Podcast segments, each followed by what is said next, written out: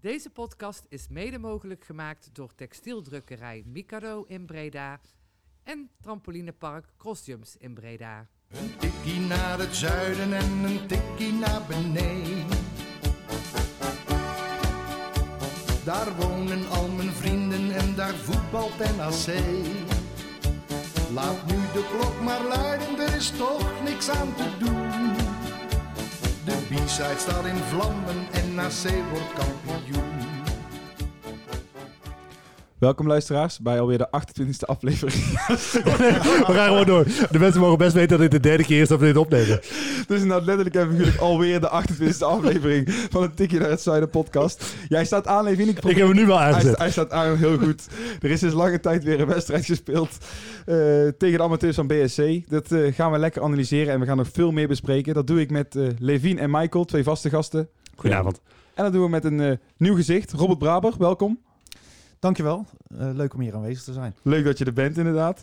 Eh heren, om te beginnen met eh, de wedstrijd van afgelopen vrijdag. Het uh, NAC boekte een 11-1 overwinning op BSC. Eh, Michael, jij was, wij waren er samen bij. Eh, wat is jou allereerst opgevallen? Ja, het zat goed qua, qua gretigheid, qua energie, qua, qua beleving. Mensen wilden zoveel mogelijk doelpunten maken. Er werd vol op de aanval gespeeld. Eh, dus het was hartstikke leuk om, om die gasten weer aan het werk te zien. Eh, wie viel jou vooral een positieve zin op? Eerste helft eh, van Hooydonk natuurlijk vanwege zijn doelpunten. Ook zijn assist, want die eh, komt in de media dan niet heel erg eh, naar voren. Als je terugkijkt, dan zie je de drie doelpunten en dan ga je daarop focussen. Maar zijn assist was ook, was hartstikke goed. Ehm, met name hij was heel gretig. Azagari die hem twee keer op exact dezelfde wijze wist te bedienen. Dat was ook een speler die op het middenveld dan miste in de tweede helft. Vin Stokker stond toen in de spits en had heel graag dat soort speekba- steekballetje ook willen hebben. Maar die kreeg ze niet. En de tweede helft was Van Akker lekker op dreef. Ehm, Heel kort maar. mocht maar een half uurtje spelen, maar in het half uurtje dat hij mee heeft gedaan, eh, ja, deed hij het echt hartstikke goed. Ja, dat was inderdaad prima inderdaad op een rechtsbuitenpositie. Want die rechtsbuitenpositie werd in de eerste helft niet ingevuld door één eh, specifieke speler. Dogan stond er misschien op papier, eh, maar eigenlijk Azagari liep er ook een keer in en in het gat. En Van Arnold liep in dat gat. Ja, over waar het waarschijnlijk de transfers nog nodig zijn, gaan we het later nog, hebben in de, nog over hebben in deze uitzending. Waar ik het wel nog nu op, al over wil hebben, is de opstelling in de eerste en opstelling in de tweede helft. Maurice Stijn gaf aan, daar is nog niks uit te concluderen, maar mijn, hart er, zei- mijn gevoel zei iets er anders. valt nog niks uit te concluderen, dat klopt. Alleen het is niet zo dat hij eh, eh, 22 namen in een pot heeft gedaan en daar eh 11 namen uit heeft getrokken en zijn eh, opstelling heeft gezet. Het zat echt wel een gedachte achter en dit was wel de beoogd, eh, nou ja, de sterkste opstelling op dit moment eh, op basis van het spelersmateriaal wat hij heeft. Ja, Levin, jij was dan niet bij de wedstrijd, maar toen jij de namen zag, de twee verschillende groepen. Nou ja, het is een logische opstelling die hij in de eerste helft koos. Ik denk dat dit inderdaad, wat Mike ook zegt, dat dit wel de sterkste elf is was, eh, wel als die, die eh, het veld op kon brengen. Met uitzondering van de keeper, die ont, eh, ontbrak natuurlijk. Eh, maar buiten het ontbreken van Olij was gewoon de sterkste elf. Ik denk dat niemand daar echt over twijfelt. Eh, hoe wordt dat altijd gecommuniceerd naar een spelersgroep, zo'n west- zo'n eerste oefenwedstrijd tegen amateurs? Je hebt dan twee groepen inderdaad. Ehm, voelt dan een spelersgroep ook aan, hey, ik zit bij de goede groep, hey, ik zit bij de slechte groep? Ja, in principe normaal gesproken met de eerste oefenwedstrijd tegen, tegen een amateurclub eh, zijn er heel veel trainers die het echt door elkaar husselen. Dus echt eh, van het jaar daarvoor de basis gooien ze de vijf in de eerste helft in, eh, vijf veldspelers, de vijf in de tweede helft. Om inderdaad iedereen een kans te geven. Nou ja, nu neigt voor heel veel mensen de opstelling toch een beetje... nou ja, dat zou wel eens een basiself kunnen zijn in de eerste helft. Ehm, ja, de trainer zal altijd zeggen, joh, we beginnen de eerste wedstrijd, iedereen krijgt zijn minuten en ehm, er is niks uit te concluderen. Alleen ja, als ik jullie ook over de opstelling hoor, dan, eh, dan valt er soms wel eh, iets uit te concluderen. Hoe ga je verder als speler zo'n eh, eerste oefenwedstrijd in tegen amateurs, waar je eigenlijk niks valt te winnen, maar misschien eerder alleen maar valt te verliezen? Ja, het belangrijkste is wedstrijdritme opdoen en, en fit blijven. Ehm, ja, ik heb ook altijd gehad tegen amateurs, het enige wat je niet wil is geblesseerd raken in zo'n wedstrijd, vooral in de voorbereiding. Dus ja, je past heel erg op dat je geen onnodige schoppen krijgt. Dus je gaat niet onnodig met een bal lopen. En ja, de opdracht die de trainer meegeeft is vaak score minimaal 10 goals en zorg dat je er geen tegen krijgt. En eh, dat, dat is wat een trainer vaak zegt. En eh, ja, eh, uiteindelijk eh, is het allerbelangrijkste dat je weer die minuten in de benen krijgt. En nou, ik heb eigenlijk nog geen trainers meegemaakt die dan echt heel serieus nemen eh, de eerste oefenwedstrijd, wat de uitslag ook is. Je bent, bent zelf natuurlijk inmiddels eh, eh, gestopt. Eh, dit zijn natuurlijk jongens die eh, uit een periode komen waarin ze helemaal niet gevoetbald hebben. Is dat moeilijker opstarten na zo'n periode? Ja, absoluut. Eh, dit is natuurlijk totaal niet te vergelijken met eh, de voorbereidingen die ik al heb gehad. Dan lig je vier, vijf weken stil in de zomer. Nou, dan ga je twee weken voordat je begint, eh, ga je zelf voor jezelf trainen. Nu is het zo onduidelijk geweest voor de jongens wanneer ze moesten beginnen. Nu ook weer bij NAC, nou, dan zouden ze beginnen. Hebben ze toch ook weer een week vrijgegeven. Dus je kan jezelf niet toetrainen naar de eerste training. Dus ja, het is een hele andere situatie. Dus ook die eerste wedstrijd is heel anders. Want ze hebben daar veel langer op gewacht dan dat ze hadden gedacht dat ze daarop moesten wachten. Dus ja, ik zou ook niet kunnen inschatten hoe die jongens eh, bij zo'n wedstrijd staan. Maar dat ze gretig zijn na zo'n lange tijd een wedstrijd te voetballen, dat kan ik me wel voorstellen. En dat heb ik ook gehoord dat ze vrij gretig waren in deze wedstrijd. Verwacht jij dan ook in deze periode meer blessures te zien dan in andere voorbereidingen? Nou, ik heb wel het idee dat er ehm, ja, in heel de periode, en dat merk ik ook bij de jeugd van NAC, ehm, heel veel aandacht wordt besteed aan het fysieke. Dus ook als ze thuis zitten, dat er van alles mee wordt gegeven. En allemaal schema's. En dat iedereen eh, gemonitord wordt. Dus ik denk wel dat ja, de medische staf eh, die maakt overuren en eh, de fysieke begeleiders. Maar ehm, dat er nu heel veel aandacht aan wordt gegeven, dat is sowieso meer van deze tijd. Dat is, eh, dat is zeker waar. En op basis daarvan verwacht ik niet dat er meer blessures dan normaal zouden komen. Nou, voordeel was in ieder geval wat ik eh, meekreeg, is dat er niemand geblesseerd uitgevallen is afgelopen vrijdag. Kijk, Michael even. Nee, eh, JP van Hek heeft eh, twee seconden op het veld gelegen met eh, wat pijn en that's it. En daarna is hij ook weer inderdaad gewoon een half uur gaan voetballen. Dus dat leek inderdaad ook wel goed te zitten. Dus het lijkt erop dat we ook gewoon een fitte selectie hebben op dit moment. Alleen Lee eh, liep met eh, de klachten begin van eh, het seizoen mee. Die vertrekt Die waarschijnlijk. is toch morgen weg, Die dus dat gaat, maakt niet uit. eh, nou, die gaat toch al weg. Dus dat is inderdaad wel een voordeel. Ja, Monsalve zit nog in Spanje in verband met een geboorte van een kind. Mocht hij luisteren, ik denk het niet, maar gefeliciteerd. Felicitados. Felicitados. Eh, maar een nieuw gezicht op het veld was wel Torino Hunte. Heeft nog geen officieel contract. Is gebeld door Maurice Stijn. Wat ik opmerkelijk, alleen al opmerkelijk vond. Eh, hij heeft zichzelf niet aangeboden, maar werd gebeld door Maurice van... hey, wat ben je op dit moment aan het doen? En die mag zich eh, komen bewijzen de komende week nog in ieder geval. Ja, ik denk als je naar zijn profiel kijkt, een eh, typische speler voor de keukenkampioen-divisie. Hij heeft natuurlijk eh, één seizoen met VVV op het hoogste niveau gespeeld, maar verder eigenlijk het grootste deel van zijn carrière op het eh, tweede niveau gespeeld. Ik vond zijn statistieken niet super indrukwekkend. Als je kijkt naar het aantal doelpunten en assists wat, waar hij voor verantwoordelijk is, waar hij natuurlijk wel voor in huis gehaald wordt straks. Ja, goed. Het is een, een prima optie denk ik om erbij te hebben, maar ik kan me niet voorstellen dat je hem voor de basis haalt. Maar dan wordt voor ons het lastige moment om te zeggen wat wij ervan vonden. Ik weet onze Nee, mening eigenlijk al. nee, is helemaal niet lastig. Kijk, die jongen die heeft, eh, de spelers van NAC hebben een hele matige voorbereiding als in eh, weinig kunnen doen de afgelopen periode. Of ze wisten niet wanneer ze wel aan de bak moesten. Eh, Torino Hunte is transfervrij en die heeft echt voor zichzelf moeten trainen. Dus die was nog verre van fit. Dat zag je terug. Ehm, begon redelijk, ook, ook gretig, veel aan de bal. Maar naarmate de wedstrijd vorderde kwamen er steeds meer slordigheidjes in zijn spel. Aannames die over de achterlijn gingen. Ehm, op zich heeft hij best een redelijke voorzet. Ik zag hem ook met het afwerken links en rechts trap, wat, eh, wat echt wel prima ging. Eh, maar het is niet zo, als je hem op basis van, van deze wedstrijd een cont- contract zou moeten geven, dan, eh, dan was, is de keuze zeg maar redelijk makkelijk. Maar goed, NAC heeft heel weinig buitenspelers. Op dit moment, ja, naast Bowie en, en Hunter zelf dan, dat zijn de enige twee die er rondlopen. Dus als je dan een oefenwedstrijd wil spelen met een buitenspeler, ja weet je, pak hem erbij. Valt hij mee, eh, kun je hem alsnog een contract aanbieden. En En wat mij vooral opviel is dat die eh, jongen was stijf rechts. Hij heeft echt amper iets met zijn linkervoet gedaan. En ik van ja, weet je, als je dan een linksbuiten bent. Ik weet niet of ik weer behoefte heb dit jaar, als je dus daadwerkelijk bijspreekt met Sydney van Hoornik in de spits gaat spelen. Of je dan weer behoefte hebt aan twee buitenspelers die naar binnen trekken. Hoe vaak hebben we vorig jaar, of vorig jaar, afgelopen seizoen, in die podcast wel niet geroepen van we hebben iemand nodig die de achterlijn haalt Jij en hè? teruglegt. Dat was jij ja, vooral. dat is- ik, ik, ik weet niet wie precies, maar dat, ik zeg, dat, dat werkte beter bij deze spits. Hij kan, wel, hij kan wel iets met linksom, maar het is wel inderdaad een, een speler die normaal gesproken naar binnen trekt en zijn rechterbeen zoekt. Ja, dan kijk ik Levine aan even. Wat, worden we daar vrolijk van? Worden we daar niet vrolijk van? Nou ja, goed. Ik kan, eh, en dat is natuurlijk omdat ik, ik heb hem bij Almere City vorig jaar eh, niet of nauwelijks zien voetballen. Ik kan niet een heel goed gefundeerd oordeel geven over hoe goed hij is. Je gaat natuurlijk kijken naar wat je van hem weet en dat is een eh, geschiedenis. En dan is het niet heel indrukwekkend. Zijn leeftijd zit natuurlijk ook niet echt mee. Met 29 is hij ervaren, maar dat is in principe geen speler die je voor de toekomst haalt. Eh, goed, ik weet, kijk naar Robert. Ik weet niet, tot 29 ben je natuurlijk nog lang niet eh, eh, versleten. Maar goed, je gaat er geen grote transfers meer maken waarschijnlijk. Nee, eh, op, op het moment dat iemand 29 is, dan gaat NAC hem niet meer halen om hem door te verkopen. Weet je? De, en dan verwacht je wel dat het een, een dragende speler wordt als hij op die leeftijd binnengehaald wordt. En ja, dat is aan hun om in te schatten. En eh, ik heb ook eh, niet goed genoeg beeld om dat, eh, daarover te kunnen oordelen. Maar dan hou je vaak een speler die, die eh, een leider is in de groep met die leeftijd. En eh, ja, dat is de vraag of hij dat kan zijn. Ja, dat zou natuurlijk wel kunnen. Hè. Ik, ik, eh, Stijn heeft natuurlijk met hem, met hem gewerkt en weet exact wat hij aan hem heeft. En hij heeft, eh, eh, ze hebben drie seizoenen denk ik samengewerkt bij VV Ja. als ik het goed heb. Klopt. Eh, dus hij zal precies weten wat hij in huis had. En het kan goed, goed zijn dat de NAC, eh, dat de NAC komt ja, met een wat jongere selectie werkt. Dat hij inderdaad ook belangrijk is in de kleedkamer als verlengstuk. Maar goed, dat is echt, echt speculeren. Volgens mij is het wel een gezellig jongen. Ja, het Zoals wel over, een ja, nee, zoals, ja, overkwam, lekker voor de... Ja, was super sympathieke gast. heel sympathiek, een beetje nonchalant, maar dat is op zich wel Maar ik, dat, ik hou me wel vast aan het feit dat eh Stijn eh, met hem heeft samengewerkt en weet wat hij in huis haalt. En waarschijnlijk in het plan past wat Stijn in zijn hoofd heeft. Maar wat ik inderdaad van de, deze wedstrijd zag, werd ik echt, dan had ik zoiets van nee, eh, Nee, dit maar is goed, het niet. Die Maar dat, jongen, hij is echt twee dagen geleden, of eh, toen was hij twee dagen daarvoor, was hij aangesloten, een paar trainingjes meegepikt. Hij zei volgens mij ook eh, bij onze collega's dat hij eh, in de loop van de eerste helft ook echt wel eh, vermoeid was. raakte. Dus laat hem gewoon lekker eh, een paar weekjes meetrainen en dan eh, zullen ze ongetwijfeld eh, bij NAC een goede keuze kunnen maken. Het is overigens wel zo dat als je naar de historie kijkt, dat NAC niet super gelukkig is met eh, buitenspelers. Want ik er terugdenken, de laatste goede buitenspeler die ik me kan herinneren was denk ik Tiraduini.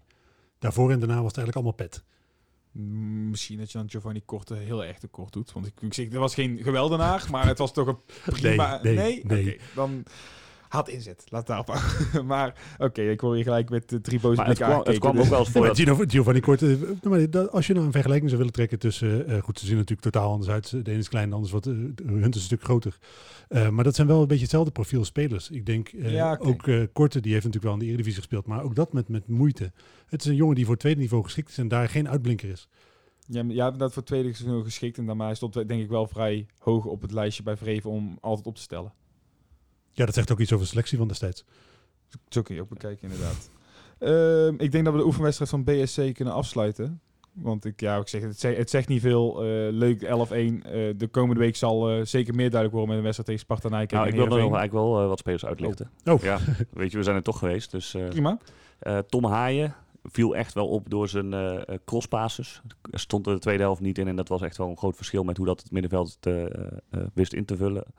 En ehm tegengoal, daar is in principe ook heel weinig aandacht aan besteed. Ja. Omschreef het zelf als zijnde een, eh, wat was het, een miscommunicatie of een lastige bal die er tussenin viel.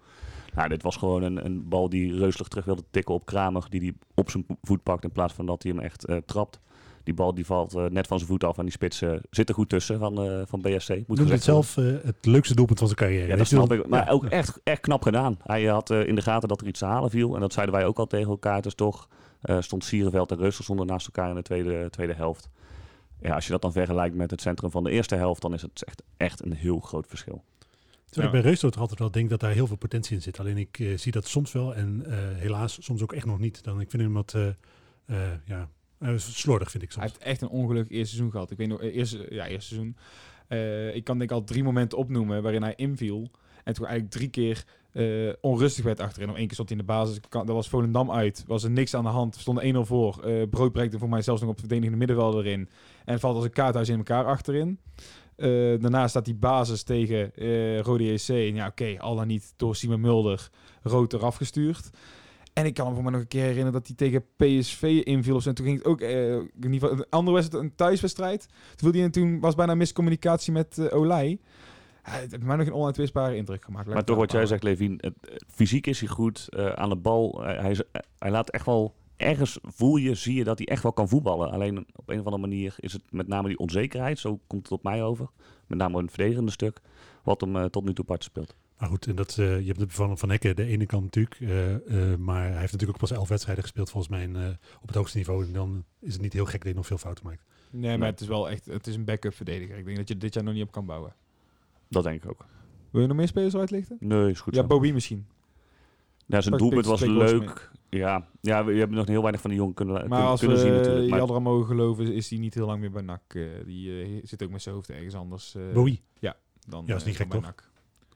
Dus eh, dat zou Het zijn dure eh, jongens die in Engeland natuurlijk altijd mogelijkheden hebben. En dan is, eh, hij zal natuurlijk ook binnengehaald zijn met het perspectief dat je naar de Eredivisie zou gaan. Dan is NAC voor hem denk ik een hele, hele mooie opstap. Eh, maar ja goed, tweede jaar keukenkampioen divisie waar hij vorig jaar ook geen baasspeler is geweest. Nauwelijks indruk heeft gemaakt. Ik denk dat hij net zoals Lee heel vlot terug naar het Britse eiland is. Ik denk dat dat ook een mooi bruggetje is naar eh, de transfers. Want eh, er zijn op zich... Er komen weinig spelers, maar er zijn op zich wel wat lichte transferperikelen rondom NAC. Zo eh, was het misschien wel een verrassing dat Van Hekken er nog was eh, in de oefenwedstrijd. Want het is even stil. En dat eh, gaf hij ook aan eh, bij eh, de collega's van Fox Sports. Van er, er, speelt, er is wel lichte interesse, maar iets concreets ligt er nog niet. Nou ja, misschien ook daar, ik kijk jou weer gewoon aan, Robert. Zo'n, zo'n, als je een transfer maakt, hoe ziet zo'n periode dan, dan uit? Ik neem aan dat de club eerst met jou zelf contact opneemt of je interesse hebt. Of gaat het echt eerst via de club? Nou, nou ja, in principe moeten ze zich wel bij de club melden. Maar eh, het moment dat je het zelf hoort, is eh, dat je door je, ja, door je zaakwaarnemer eh, wordt gebeld en zegt er is interesse van een club. En ja, op dat moment weet je het pas. Nou ja, de keren dat ik een transfer maakte, was het heel snel, heel snel rond uiteindelijk, of niet. Maar ja, dit duurt wel, het duurt wel heel lang inderdaad. En een, heel, een jonge speler kan er heel onzeker van worden. Maar ik heb wel het idee dat Van Hekken wel heel stabiel is en dat hij gewoon zijn, zijn ding blijft doen. Alleen ja, het is altijd de vraag, eh, ja, hoe gaat het lopen? En eh, ja, eh, ja, zover ik het meekreeg was het eigenlijk al rond met Monaco. En dan ineens is het stil. Dus maar ja, ik, ik verwacht dat Van Hekken dat prima oppakt. En dat hij gewoon zijn ding blijft doen. En ja, dat lijkt me een vrij stabiele jongen die, zich daar, die daar niet wakker van ligt. eh. Stijn ging er in ieder geval vanuit dat Van Hekken komend seizoen nog voetballer van NAC was. Roept hij dat dan gewoon om de rust weg te halen of verwacht hij dat echt? Ik denk als je kijkt naar hoe, dat, eh, hoe de, deze periode nu loopt, waar het een maand, eh, eh, een maand is sinds het akkoord met Monaco, zo ongeveer. Het duurt echt lang, die onderhandelingen. Dan lijkt me dat op het moment dat hij super graag naar Monaco wil, die Mo- Monegassen hebben natuurlijk zat geld te spenderen. Ik kan me niet voorstellen dat zijn salariseisen echt een ono- onoverkomelijk obstakel zijn. Eh, en er is al een akkoord met NAC, dan zou die transfer normaal gesproken heel snel rond moeten zijn. Het feit dat het zich zo lang voortsleept, zegt voor mij eh, dat daar ergens een kink in de kabel is gekomen. Of dat nou is omdat eh, Tom van der Belen weg is, dan wel omdat Van Hekken zelf het toekomstperspectief met bijvoorbeeld een verhuur aan Cerkelen niet ziet zitten. Maar ik geloof niet dat die deal heel snel rond gaat komen. Want waarom zou die dan niet al lang rondgekomen zijn? Duidelijk. Eh, ja, we hebben er ook nog over gehad over die stap. Eh, het is gewoon afwachten. En eh, voorlopig genieten we er eigenlijk nog wel van dat hij er is. Eh, Ik verwacht niet dat hij, eh, in tegenstelling tot Stijn, dat hij nog eh, bij NAC speelt hoor, volgend seizoen. Ik heb goede hoop. Ja, ik ook steeds meer. Ook omdat ik denk, het eh, bedrag wat, wat Mona- Monaco geboden heeft, 2 miljoen, is natuurlijk wel het bedrag wat NAC nu in het hoofd heeft. Eh, dus al, je, je kunt niet naar je achterban en ook intern niet verkopen dat je met minder genoegen neemt op het moment dat je zo'n bod gehad hebt. Eh, daarbij is het zo dat op het moment dat hij baasspeler is, en dat wordt hij denk ik wel, want hij was in zijn eh, laatste, laatste fase van de afgelopen seizoen natuurlijk ook gewoon baasspeler, dan is hij denk ik een hele belangrijke kracht. En ik vind het niet heel waarschijnlijk dat veel clubs zo'nzelfde bedrag kunnen bieden, in ieder geval niet uit Nederland. Nee, ja, ik hoorde al dat Feyenoord geen geld te besteden heeft. Dan blijft er weinig meer over wat eronder zit. Ja, Eh, want eh, AZ is al voorzien, Eh, Utrecht heeft... Ah, AZ voorzien? nou, Die gaan, nog, die gaan nog eentje halen. hoor. Nou oké, maar goed. dat zijn wel de clubs normaal gesproken waar dit naartoe kan. PSV, Ajax, Feyenoord, AZ. Dat zijn ongeveer de clubs die, die geld te besteden hebben. Ik denk daaronder, Utrecht misschien. Maar dan houdt het heel ver op. En ja goed, ik ben heel blij dat... Ik hoop echt dat hij een jaar blijft. Omdat nu heb je na een half seizoen toch maar heel beperkt gebruik van hem kunnen maken. En hij is wel een echte... Pas, pas een echte nachtspeler vind ik na anderhalf seizoen. Ik verwacht wel dat er de komende transferperiode of deze transferperiode ook veel creatiever wordt gehandeld. Hoor. Dus bijvoorbeeld van Hekken, Utrecht wil hem halen, eh, kan geen 2 miljoen neerleggen. Dan leggen ze minder neer, maar krijgt eh NAC bijvoorbeeld twee spelers gratis te leen of een doorverkooppercentage. Volgens mij gaan clubs ook op die manier echt wel elkaar helpen om eh, uiteindelijk toch die markt een beetje in beweging te brengen. Ja, ik hoop dat je ongelijk hebt, want ik wil eigenlijk gewoon het geld hebben. Ja, precies. Ik denk dat dat de achterban eh, liever heeft. Waar we wel geld voor gaan krijgen, komt het bruggetje weer. Craig Lee. Craig Lee gaat hij een mooi, ik vind deze leuk. Leuk, Ja, deze ja. weet hij leuk. Ja, Ik weet niet of jij vaak naar onze podcast luistert, maar hij oefent die voor de spiegel op, op al zijn ja bruggetjes. oké, maak dat lijstje dan. dan nee, echt absoluut niet. Hij, hij, zag er ook hij al uit. Zag, ze geïngestudeerd zag het eruit, moet ik eerlijk toegeven. En hij kondigt ze vooral ook aan. Hij, hij, hij doet ze niet gewoon, hij kondigt ze eerst aan en dan doet hij ze. Maar Craig Lee eh, kwam eh, gisteren in het nieuws, gaat naar Rotherham United. Schitterende naam. Ja, en voor hem een hele mooie stap, denk ik. Want hij heeft natuurlijk eh, eh, eigenlijk alleen in de League One gespeeld. En, eh, en natuurlijk Premier League in eh, Schotland. Eh, Championship is voor hem echt een mooie stap.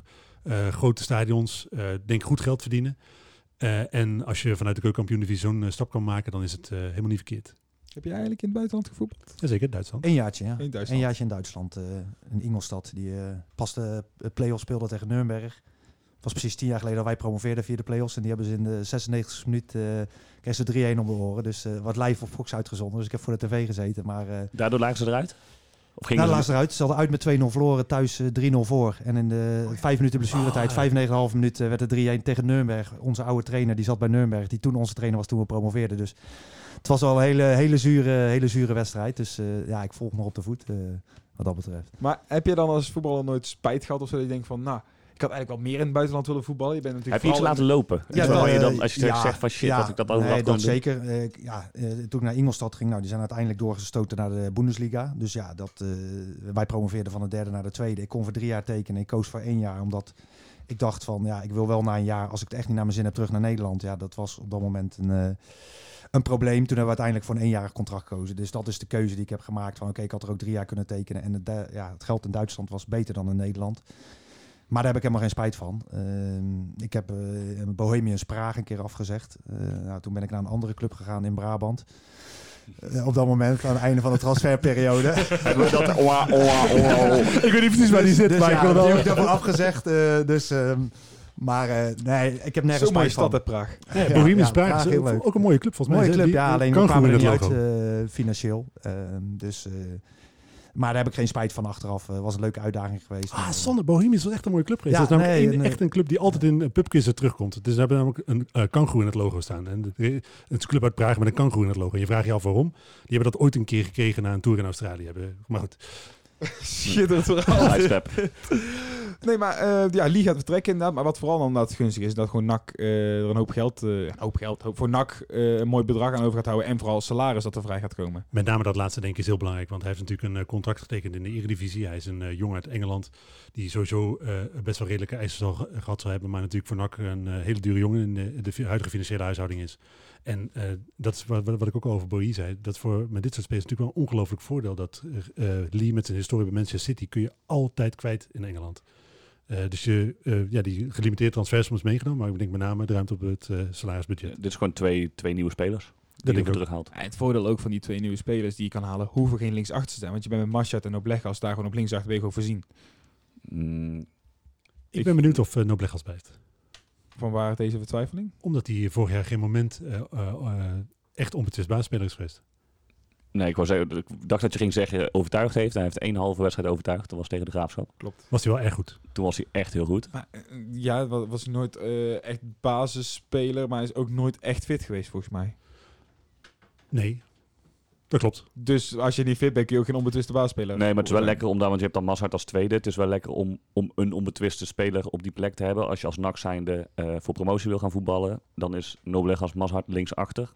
Nou, ik ga er wel vanuit dat Volgens- Noblegas... eh ja, ik zeg het net, ik heb er al eens een keer die opmerking dat voor mij op die site geplaatst dat die heeft zich nou aan een papier, eh, papiersnee eh, geblesseerd. En dat. Maar als hij gewoon fit is, is dat volgens mij... eh, is dat gewoon je linksachter. En Volgens mij komt er nog een uh, linksachter bij sowieso. Ik, heb, ik meen me te herinneren dat dat gezegd is. Ja, door Hiballa. Weet ik wel. Nou ja, goed, die zal ik ook wel kijk op hebben. Ja, snap maar misschien dat Stijn andere ideeën heeft. maar oké, linksachter. eh, ja, als we dan toch bezig zijn met de posities. Ja, we hadden het al over dat we speelden zonder rechtsbuiten in de oefenwedstrijd. Eh, als Bowie vertrekt op links, Hunt hebben we nog niet binnen, hebben ze eigenlijk gewoon nul buitenspelers. Ja, dan moet je dus anders gaan spelen misschien. Of buitenspelers halen. Maar eh, ik weet niet of het uitgesloten is dat er bijvoorbeeld 4-4-2 wordt gespeeld. Dat, ja, Stijn heeft altijd 4-3-3 gespeeld. Altijd, volgens mij. Als ik dan... Ja, volgens mij, ik weet niet of dat die uitspraak bij ons gedaan heeft, of dat ik het nu verzin, maar ik heb het idee dat hij ooit gezegd heeft eh, dat hij geen vast systeem heeft en dat hij op basis van de spelers die hij heeft het systeem daarop aanpast. Maar dat, dat moet toch ook haast wel? Je hebt toch... Nou ja, hij gaat gewoon kijken wat is er binnen en wat is haalbaar. Ja, je kan als trainer wel één systeem hebben, maar als je de spelers er niet voor hebt, dan zou je toch, eh, zou je toch wat anders moeten gaan doen. En ehm, ja, ik, voor, ik denk dat voor geen trainer het systeem heilig is. Want als je weet dat een bepaald systeem niet werkt met jouw spelersgroep, ja, dan zou je toch af moeten stappen van je favoriete systeem. Als jij dat naar de huidige selectie kijkt, en met name naar de aanvallers, is 4-3-3 dan de eh, ideale opstelling? Of zeg je, nou ja, je zou met deze selectie eigenlijk prima 4-4-2 kunnen spelen? Ja, ik vind het eh, moeilijk inschatten, zeg maar, als je niet eh, heel dicht bij de, bij de groep bent om echt de kwaliteit. Alleen eh, het feit, wat je ziet als je de namen zet, zijn er weinig buitenspelers. Eh, nou ja, wie gaat er in de voorbereiding nog verrassen? Wie kan er wel goed aan de zijkant uit de voeten? Feit is dat er nu weinig buitenspelers zijn, waardoor het moeilijk wordt 4-3 spelen. Alleen, je weet ook niet wat er komt, dus, dus het is gewoon heel moeilijk inschatten. Ehm, ja, mijn favoriete systeem is ook met buitenspelers, maar ik zou het ook niet gaan. Ik zou ook niet spitsen bij rechtsbuiten gaan zetten die daar niet uit de voeten kunnen. Dus het is heel moeilijk inschatten, maar ik, uh, ik heb alle vertrouwen dat ze zeker weten wat ze aan het doen zijn en dat, dat er uiteindelijk een selectie staat die een bepaald systeem heel goed uh, kan spelen. Ja, we, gaan, uh, we hebben geen buitenspelers. Nou, de vraag is dus, gaan we die halen? En je kan met bijvoorbeeld Stokkers, die heeft er bij Fortuna ook een tijd lang als uh, rechtsbuiten gespeeld. Of in ieder geval rechteraanvaller. Je kan het toch wel creatief... ballen of uh, Wijs ook volgens mij? Of één ja, brood, één van maar die, die als je, We willen toch met z'n allen kampioen worden. Als je dan zegt, Vince Stokkers is onze rechtsbuiten. Ja, sorry, maar dan kan je denk ik niet met uh, eerlijkheid zeggen van we gaan vol ja, voor goed, de dan titel. kan ik natuurlijk heel flauw zeggen, ik wil hem zien liever als rechtsbuiten dan als centrumspits. Maar dat... Uh...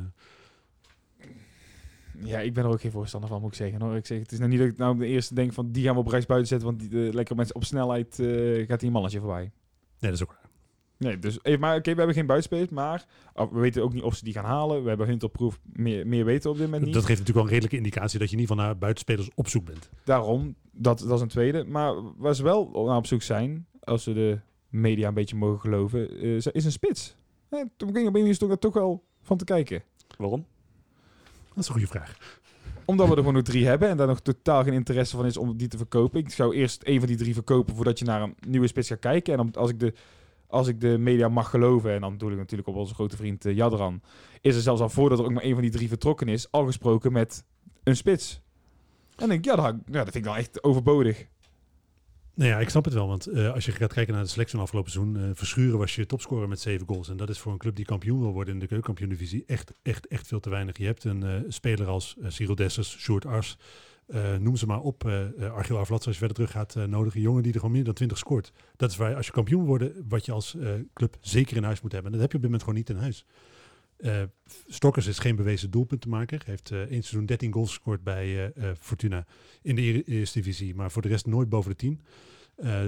Van Hooydonk staat natuurlijk nog aan het begin van zijn carrière. Heeft afgelopen seizoen, denk ik voor zijn doen, een goed seizoen gedraaid met zes goals. En Dogan, ja, daarvan is gewoon echt de vraag of, of het een speler is die consequent op een hoog niveau veel doelpunten kan maken. Ja, maar ik, ik heb dan echt zoiets van, als je als NAC zijnde beperkte middelen hebt om te besteden, je hebt drie spitsen in je selectie zitten je hebt nul buitenspelers. Kun je niet beter zorgen dat die spitsen goed renderen met dat je gewoon die goede buitenspelers gaat halen? Ja, dat, dat zou eh, denk ik het geval geweest zijn op het moment dat je met dezelfde uh, technische leiding en dezelfde trainer door was gegaan. Ik denk dat je nu met een uh, nieuwe trainer die volledig eigenlijk blanco begint en een ja, nog geen technisch directeur, dat hij gewoon kiet naar selectie kijkt en dat misschien wel tegen die spelers op een gegeven moment zal zeggen, ja jongens, zoek je helemaal ergens anders waar ik met name bij Dogan en wellicht bij Stokkers dat wel voor kan stellen. En volgens mij is het ook, Robert, op het moment dat, dat je... Je kan toch ook een keer worden, worden aangetikt van... joh, zou je interesse hebben om bij ons te komen voetballen? En dat het vervolgens anderhalf maand later daadwerkelijk wordt opgepakt? Ja, ja, iedereen doet zijn voorwerk natuurlijk. Iedereen die gaat alvast informeren. Want ja, je weet niet wat er gebeurt. Uh, spelers die weg willen. Je, je, je, moet altijd een schaduwlijst ook hebben. Dus voor iedereen, iedereen moet vervangbaar zijn. Dus elke speler kan vertrekken. Ja, iemand die in de voorbereiding merkt dat hij niet gaat spelen, kan ontevreden zijn. Dus of je iemand daadwerkelijk haalt, dat er gesprekken worden gevoerd met spelers, dat is, dat is altijd. En wie er uiteindelijk van gehaald worden, dat, dat is de vraag. Maar ja, iedereen doet zijn voorwerk natuurlijk. En je moet alvast informeren of iemand geïnteresseerd is, dat je kan doorpakken als er iets verandert in je selectie of er iets mogelijk is qua financiën. Ik denk dat ze daar vooral nu mee bezig zijn geweest. En dat ze op het moment nogmaals, NAC zijn de kampioen worden, kun je er niet op gokken, vind ik. Want dat doe je als je van Hooydonk en uh, Stokkers het laat uitvechten. Dan gok je erop dat een van de twee een goed seizoen gaat draaien. En ik vind niet dat NAC het zich kan permitteren om te moeten gokken op uh, wie de doelpunten gaat maken. Waarbij ik echt wel de hoop heb uh, dat uh, Van Hooydonk natuurlijk explodeert uh, komend seizoen. Maar ik heb die verwachting gewoon nog niet. Ik denk niet dat het op dit moment... Dat, ik denk dat het nog te vroeg is voor hem om echt de absolute nummer 1 in de spits te zijn. Dat, dat is gewoon te vroeg. Ja, die hoop heb ik wel. Inderdaad, de verwachting, je moet inderdaad wel nagaan. Inderdaad, is dat realistisch? Ja, en verder verwacht ik inderdaad dan nog, wat ik zeg, als je ook de transfermolen mag geloven, dan een middenvelder gaat er nog wel komen. Ja, lijkt me vanzelfsprekend. Je zal uh, verschuren moeten vervangen op de een of andere manier. En daarnaast zijn natuurlijk ook uh, Luca, en Ike, uh, Luca en Ivan Ilic. Ik haal ze allemaal door. Samen, in ieder geval de gebroeders Ilic, dat is veel makkelijker. Die zijn natuurlijk ook vertrokken. Dus je hebt daar gewoon best wel wat gaten te vullen. Brabants hebben jou nog niet benaderd, hè? Nee, nou ja, als de selectie echt niet rond is, dan uh, vragen ze misschien ook de voetbal. Maar ja, ik heb een jaarwoord aan Dia gegeven. Ja. Dus ja, andere, de andere geel-zwartjes, dus ja, ik kan niet meer terug. Uh, Ook een hele mooie clip. Het is niet zo dat wij een paar duizend seizoenkaarten extra verkopen als jij je schoenen weer aantrekt. ik denk dat er een seizoenkaart inleveren aan Waarschijnlijk, verwacht ik.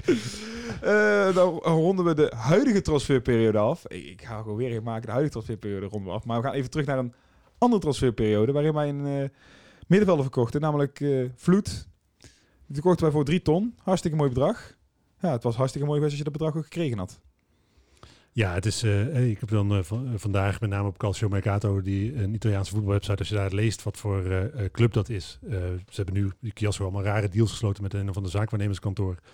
Waarbij ze volgens mij een deel van hun echt dagelijkse leiding uit handen geven. Het is een hele dubieuze club die volgens mij gedegradeerd is uit de, de Challenge League, tweede niveau van Zwitserland. Uh, dus er waren ook op het moment dat NAC uh, vloed aan hen verkocht al best wel wat rode vlaggen. Het is niet zo dat het heel verwonderlijk is dat je van zo'n club je geld niet krijgt. Maar verwachten we hem nog te krijgen? Want NAC heeft de zaak nou bij FIFA liggen. Waarschijnlijk was in het gelijk gesteld. Maar valt er überhaupt van een kale kip te, kip te plukken? plukken? Dit is denk ik hetzelfde met wat er met Amoa gebeurd is. je wordt in het gelijk gesteld. Je hebt recht op dat geld en dan duurt het heel, heel lang. Je krijgt het uiteindelijk wel, maar het duurt heel, heel lang voordat je het hebt. Je verwacht nog wel dat we het krijgen? Ja, uiteindelijk krijg je het natuurlijk. Want op een gegeven moment uh, zal... maar kun je van een kale clip, uh, kip plukken? Je kan het in ieder geval proberen. Nee, goed. Uh, zo, er zal in ieder geval een vordering open blijven staan op uh, Kiasso. En die zal er op de een of andere manier voldaan moeten worden. Dan word je schuldeiser. Ja. Zolang ja, die club blijft bestaan, ben je dan schuldeiser. Ja, oké, dat snap ik. Zolang niet maar blijft bestaan. Ik, dat, daar hoor ik ook al verhaal over van. Blijven ze nog wel bestaan? Ja, goed, ik denk dat eh, het, natuurlijk- het is ongelooflijk zuur, omdat het ook drie ton is die je op dit moment ongelooflijk goed zou kunnen gebruiken. Je, je hebt daar toch makkelijk twee nieuwe spelers van. Ja, het is echt een eh Maar we schitterend... hebben het al heel vaak gezegd, maar het is echt wel een gigablunder dat dat eh, destijds op deze manier is geregeld, toch? Ja. Ja, het is een beetje Echt- eh, echt slechte bizar. praktijken van de heren Smulders en eh Goedzee, eh, helaas. Helaas moet het er ook over hebben eigenlijk, maar... eh, ja, het is een typisch NAC. Dus ik denk dat het eh, één grote samenvatting is. Ja, en ik op zich, je kunt eh, in alle naïviteit eh, van destijds, op het moment dat, je, eh, dat een Italiaanse club zich meldt, indirect dan via een Zwitserse club, dan denk ik dat het niet heel gek is dat je verwacht dat je je centen krijgt. Op het moment dat daar een helder verhaal ligt. Maar goed, je kunt dan wel wat zekerheid voor jezelf inbouwen, door toch in ieder geval om die bankgarantie te vragen. Zeker in een land als Zwitserland moet dat toch niet zo'n heel groot probleem zijn. ronden we het stukje transfers af. Werd er eh, afgelopen woensdag het eh, competitieschema, want we mogen langzaam even vooruit gaan kijken. Er, gaat, er, er wordt alweer gevoetbald eh oefenprogramma. En het eh competitieschema werd bekend, is ondertussen ook definitief, zag ik. Er waren geen wijzigingen ingekomen. Wat was het eerste wat jou opviel, uh, Levin? Je had het, Rare was- tijdstippen. Rare tijdstippen, heb ik niet, Ja, niet het is, opgevallen. nee goed, als je, als je het bijpakt, ik heb het competitieschema nog niet uit mijn hoofd geleerd. Wellicht ik, dat ik nog heb hem bij. Dan zitten er gewoon best wel vreemde tijdstippen bij. Vrij laat, rond 9 uur wordt een aantal keer gevoetbald. Eh volgens Jong PSV half vijf. precies, er zitten gewoon wat vreemde eh tijdstippen bij. En eh, op zich is dat in de eerste periode niet zo heel raar natuurlijk. Op het moment dat je toch nog niet met z'n allen naar het stadion Het is mag. vooral 9 uur, 9 uur of 8 uur, moet ik zeggen. Ja, maar pas richting het einde van het seizoen is het consequent vrijdagavond eh eh 8 uur. Daarvoor is het echt nog best wel wisselen de hele tijd. Eh, ja goed, het is volgens mij geen on, on- onmogelijk programma om mee te beginnen. Ja, maar da- daar wil ik dus wel iets over kwijt. Weet je, dat prima. Wij zeggen dat het beginprogramma is eh, op papier. Ik weet dat voetbal niet op papier wordt gespeeld, maar gewoon makkelijk. En moet je gewoon uit de eerste 1, 2, 3, 4, 5. Want noem even de tegenstanders. Eh, de eerste vijf wedstrijden NAC Jong AZ. Daarna moeten we uit naar Helmond Sport. NAC Den Bosch. Jong FC Utrecht NAC. En NAC Jong, eh, Jong PSV. 15 punten. Dat zouden inderdaad gewoon 15 punten moeten zijn. Ja, dat, Helmond uit om niet onderschatten. Hè? Oh, je hebt natuurlijk ook bij Helmond gespeeld. Een paar jaar geleden, toen ik promoveerde, toen gingen ze net voor de promotie nog met tweeën onderuit bij Helmond. Klopt, klopt, dus, klopt, klopt, klopt. En die zijn gewend om zonder publiek te spelen, dus wel dat Dat betreft hebben ze sowieso. voordeel. Maar goed, eh, eh, als je kijkt naar Helmond afgelopen seizoen, die zijn volgens mij laatste, of in ieder geval, het heeft niet heel veel gescheeld. Eh, ze hebben, zijn vrij ver onderaan gegaan. Het is, geen, het is een club wel in verval. Het is een andere Helmond dan toen jij de voetbalde. Nee, absoluut. Maar ehm, ja. Doet dat je zeer? Ah, dus je, zit, je, je gunt elke club waar je speelt, gun je uiteindelijk dat ze, dat ze een beetje blijven leven. Want Helmond kan ook zomaar omvallen natuurlijk. Ik bedoel, eh, als je het ziet, er zijn meerdere clubs in de keuken na die crisis. Waarvan je denkt van nou, zouden ze wel blijven bestaan. En tuurlijk eh, zou je dat doodzonde vinden. Ehm, aan de andere kant, ja, ik, ik zit er niet meer, ik ben er niet meer werkzaam. Dus, dus, dus dat gevoel is dan wel minder dan, eh, dan bij een club waar je zelf eh, werkzaam bent. Ja, daar heb je natuurlijk veel meer belang bij dat die, dat die het goed doen en blijven bestaan. Maar als dan de voetballer in jou naar de eh, opening kijkt van dit seizoen, dan zeg je er ook de eerste vijf wedstrijden 15 punten. Ja, ehm, het belangrijkste is dat je eerst kijkt wat voor selectie staat er als de eerste wedstrijd gespeeld wordt. Ehm, ja, uiteindelijk zijn het op papier makkelijke wedstrijden. Maar je weet nooit welke clubs het heel goed gaan doen. Den Bosch die, deed het op een gegeven moment ook heel goed. Nou ja, maar En vorig Jong jaar- Utrecht trouwens ook afgelopen Ja, seizoen. en vorig jaar pakte NAC de eerste periode. Maar ja, daar heeft ook niemand het meer over, want het is een teleurstellend seizoen geweest. Toen was het programma ook goed en eh, heb je de eerste periode gepakt. Alleen, het, het is altijd heel moeilijk van tevoren kijken. Maar ja, tuurlijk kijk je wel eens naar het schema en dat je denkt van, hé, daar liggen kansen. En dat zullen ze ook zeker doen op dit moment. Wat- mij vooral opviel, ik weet niet, is dat de afgelopen jaren veranderd, maar vroeger was het altijd een beetje de bedoeling om je schema te spiegelen. En nu gebeurt dat totaal niet meer. Viel mij op. Dat viel mij dan Nee, op. klopt wel. Los Dat van was het tijdstip. kijken. Ik weet niet wat de regels daaromtrent Ik heb zijn. bijvoorbeeld de Cambuur Leeuwarden speel je volgens mij tegen okto- in oktober tegen. Dan En zou de je, allerlaatste wedstrijd. ja, weet je, dat is toch best wel bijzonder. Het is inderdaad eh, iets van de vijf, zes, zeven, achtste wedstrijd al inderdaad. En, en achtste in de laatste wedstrijd. Ja, ja, er zit wat in. Ik heb geen idee welke beweegreden. Ik denk burgemeester en dat soort Het is dingen. gewoon echt passen en meten. En ik denk dat dit, eh, eh, zeker gezien de huidige omstandigheden, waar je volgens mij best wel in een kort, kort tijdsbestek vrij veel wedstrijden moet, moet proppen, eh, is het gewoon denk ik de, de hoogst haalbare. Het enige waar ik dus echt mee zat, waar ik dus echt eh, iets over kwijt wil, is dat we dus eh, in de eerste paar wedstrijden al drie jong ploegen thuis krijgen. Dat is op papier geen probleem in eerste instantie. Ik denk, ik, dat is, oh, sorry. Maar dan moet je dus, dat betekent dus het tweede seizoen zelf, even, we, gaan, we zijn positief gezind, tweede seizoen zelf spelen met publiek. Krijgen we dus echt gewoon drie scheid uitwedstrijden eigenlijk voor uit publiek. Ja, maar goed, dit zijn de wedstrijden waar je als thuispubliek, als je mag kiezen, dat je deze mis je het liefst. Dat is ook weer zo. Ik zou het ook als positief zien. eh, ja, ik, dat ja, je, zo, ja, dat je eens. als je niet met publiek speelt, speel je liever niet met publiek tegen de jongploegen. dan eh, als het om je thuiswedstrijden gaat. En de uitwedstrijden is natuurlijk altijd anders. Ja, ik vind persoonlijk ook altijd heel leuk om uit te strijden te bezoeken. Inderdaad. Nou, En, Volendam eh, kan.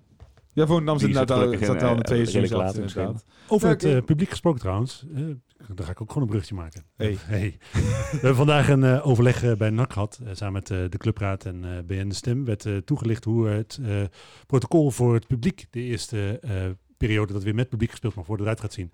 En eh NAC gaat deze week eh, exact alle, alle regels en eh, eh, plannen communiceren. Maar heel kort eh, komt het erop neer dat er het stadion ongeveer voor 21% eh, gevuld kan gaan worden. Dus dat is een eh, man of 4000, zoiets, 4500 max. Redelijk aantal. Ja. Waarbij kinderen onder 13, eh, of sorry, onder de 18, die worden waarschijnlijk in vak I gestopt. Omdat daar hoef je minder afstand te, te bewaren.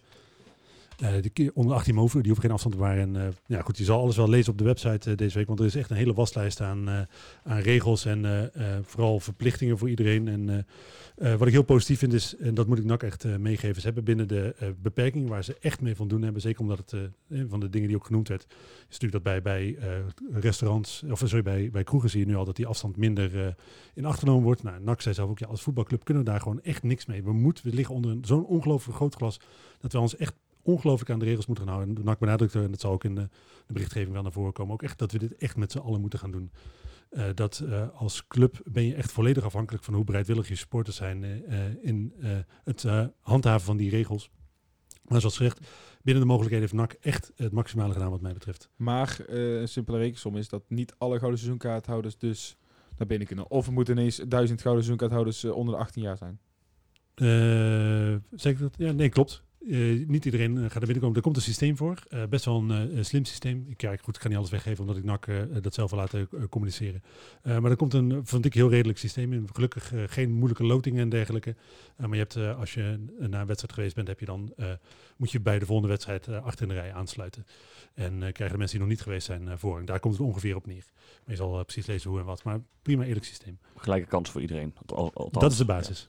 En hoe, eh, heb je dan ook al iets van hoe het er zaterdag uit gaat zien? Aangezien dan zaterdag NAC Heerenveen ook in het Radverlegstadion met... Nou ja, dat is dus... Gaan ze eh, daar al testen met wat Exact. dit moment... Niet eh, helemaal natuurlijk, want voor die eerste wedstrijd is het alleen de club van 1912 volgens mij die. ze gaan in ieder geval niet met de volledige bezetting waar ze in zouden kunnen voetballen, gaan ze niet voetballen. Dus het is echt het testen van alles wat ze bedacht hebben of het werkt. Eh, er zijn natuurlijk nog wel wat vragen die je moet beantwoorden, zoals bijvoorbeeld met de staanplaatsen. Nou, die mag je niet handhaven in het. eh, mag je wel handhaven, maar dan mag je er niemand neerzetten. Dus daar moet de zitplaats van gemaakt worden. Dat zijn allemaal nog dingen die ze nog niet helemaal uitgekristalliseerd hebben. Maar de basis, die gaan ze inderdaad eh, tegen Heerenveen testen. Oké, heel benieuwd. Eh dat zullen we af, aankomende zaterdag zien. Fijne vond trouwens, je mag zelf bier gaan halen. Dat was een van de, de, de kernboodschap die wij meegenomen hebben. Je kan, mag zelf bier gaan halen. Ben ik benieuwd hoe ze dat gaan doen. Goed, waarschijnlijk. Ja, het tappen of eh, het halen? Tappen. Eh, halen ook. Nee, maar dat is het. maar eh, eh, echt. eh NAC heeft echt meegedacht over wat, wat er eh, eh, kan. Eh, echt vanuit de sporters geredeneerd, maar ja, wel dus vanuit die beperkingen die er allemaal gelden. Wordt eh, hoe dan ook deze week vervolgd eh, vanuit de kanalen van NAC. Sowieso voordat uh, NAC Heerenveen gespeeld wordt, wordt alles eh, online Maar gegooid. ik weet die kaartverkoop moet nog starten volgens mij. Ik weet niet of ze daar een kaartverkoop voor gaan starten, lijkt me wel. Ik we- weet niet precies hoe dat zit. Enfin, daar zullen we vast en zeker deze week gaan horen. Zijn we in eerste instantie door voor mij de actualiteiten heen. Maar ja, om eh, meneer Brabo nou even voor eh, die paar eh, zinnetjes over te laten komen en hem dan weer de deur uit laten gaan, is ook zo wat. Want jij bent sinds dit, dit, deze, dit jaar werkzaam bij NAC. Hoe is dat tot stand gekomen? Laten we Ja. daarmee beginnen. Nou ja, ik, ehm, eigenlijk 1 januari ben ik bij, bij RKC gestopt. Ehm, ja, mijn contract liep af en het, ik de accountmanager, dat was toch niet helemaal mijn ding ook, wat ik deed. Dus toen ben ik eigenlijk gewoon gestopt en uh, denken van ja, ik ga echt een beetje op zoek naar wat ik echt leuk vind. Ehm, nou ja, eigenlijk uh, 2 januari zat ik al met Erik Hellemons aan de lijn. Die had al meerdere keren een balletje opgegooid bij me van hey, je moet me bellen als je, als je niks te doen hebt. En nou ja, op dat moment had hij ook echt iemand nodig voor bij de onder 17. Aangezien Molhoek doorschoof naar het eerste elftal op dat moment. Met Willem Wijs aan het roer.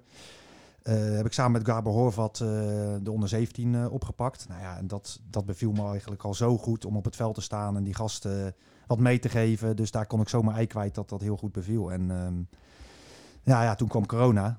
Uiteindelijk kwam Rogier ook terug, uh, Molhoek. Dus waren we met z'n drieën. Nou ja, echt een supergoed team. En een hele goede trainer, vind ik Rogier Molhoek. veel van kunnen leren. en met Gabor Hof had ik ook een hele goede band. En ook echt hele goede visie over voetbal. Dus nou ja, toen kwam corona en daarna zeiden ze van ja, we hebben eigenlijk bij de onder 14 eh, iemand nodig. Dus eh, ja, vandaar ben ik nu vanaf, eh, vanaf de zomer bij de onder 14 eh, assisteer ik. En ja, ook weer een hele leuke groep. We hebben al een wedstrijd gehad tegen de Graafschap die we gewonnen hebben. Nou, heel veel leuke dingen gezien die we getraind hadden. Dus ja, dan kan je echt je ei kwijt. En ik moet zeggen, ja, dat, dat is wel iets wat ik heel fijn vind. Is dat je echt je hand kan zien in, in wat er gebeurt. Ja, wat is je hand? Hoe, hoe zie jij graag voetbal gespeeld worden? Nou ja, we, heel, veel, ehm, ja, heel veel energie erin. Dus ja, elke training wordt met energie. Niemand staat stil. Iedereen beweegt. En eh, er moet heel veel energie ingegeven worden. Nou ja, dat was ook iets wat ik zelf altijd eh, voorop had staan. Is eh, ja, al, het enige wat je kan doen is 90 minuten gas geven en energie geven. En ja, als je dat gaat doen, dan ga je die wedstrijd op een gegeven moment naar je hand zetten. En ja, we hebben zo'n gretige groep en niemand staat stil. En die gasten die geven die energie. En ehm, ja, uiteindelijk wil je dan ook dingen zien in balbezit. Maar dat zijn zoveel verschillende dingen. Eh, proberen verzorgd te voetballen. En eh, ja, als we na het eh, anderhalf week trainen al zoveel goede dingen terugzien, dan, ja, dan maak je dat wel, wel vrolijk. die gasten zijn- nou onder 14. Hoe Is het dan niet...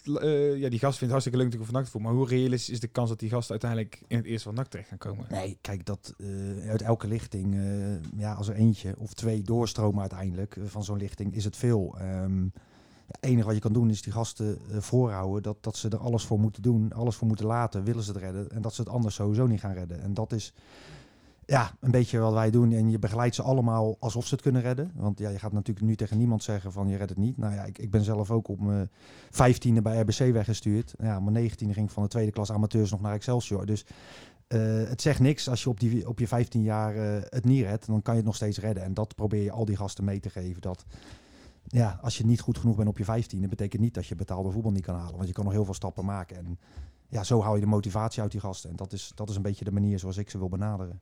Hoe, hoe werkt het scoutingsapparaat? Ga je ook zelf wedstrijdjes kijken om bij andere clubs eh, spelers eh, naar jouw elftal te halen? Ehm, nou ja, er is een scoutingsapparaat. We hebben genoeg scouts. Eh, uiteindelijk gaan die jongens die dan gescout worden, gaan meetrainen. En dan ga je ze beoordelen. Ehm, ik vind het zelf ook wel fijn om eh, ook iets in scouting te doen. Want ik wil ook graag spelers zien. En eh, ja, ook veel in betaalde voetbal. Dus ik probeer zoveel mogelijk wedstrijden te kijken. En ehm, overal ook mee te denken. Dus ja, als ik een keer iets zie.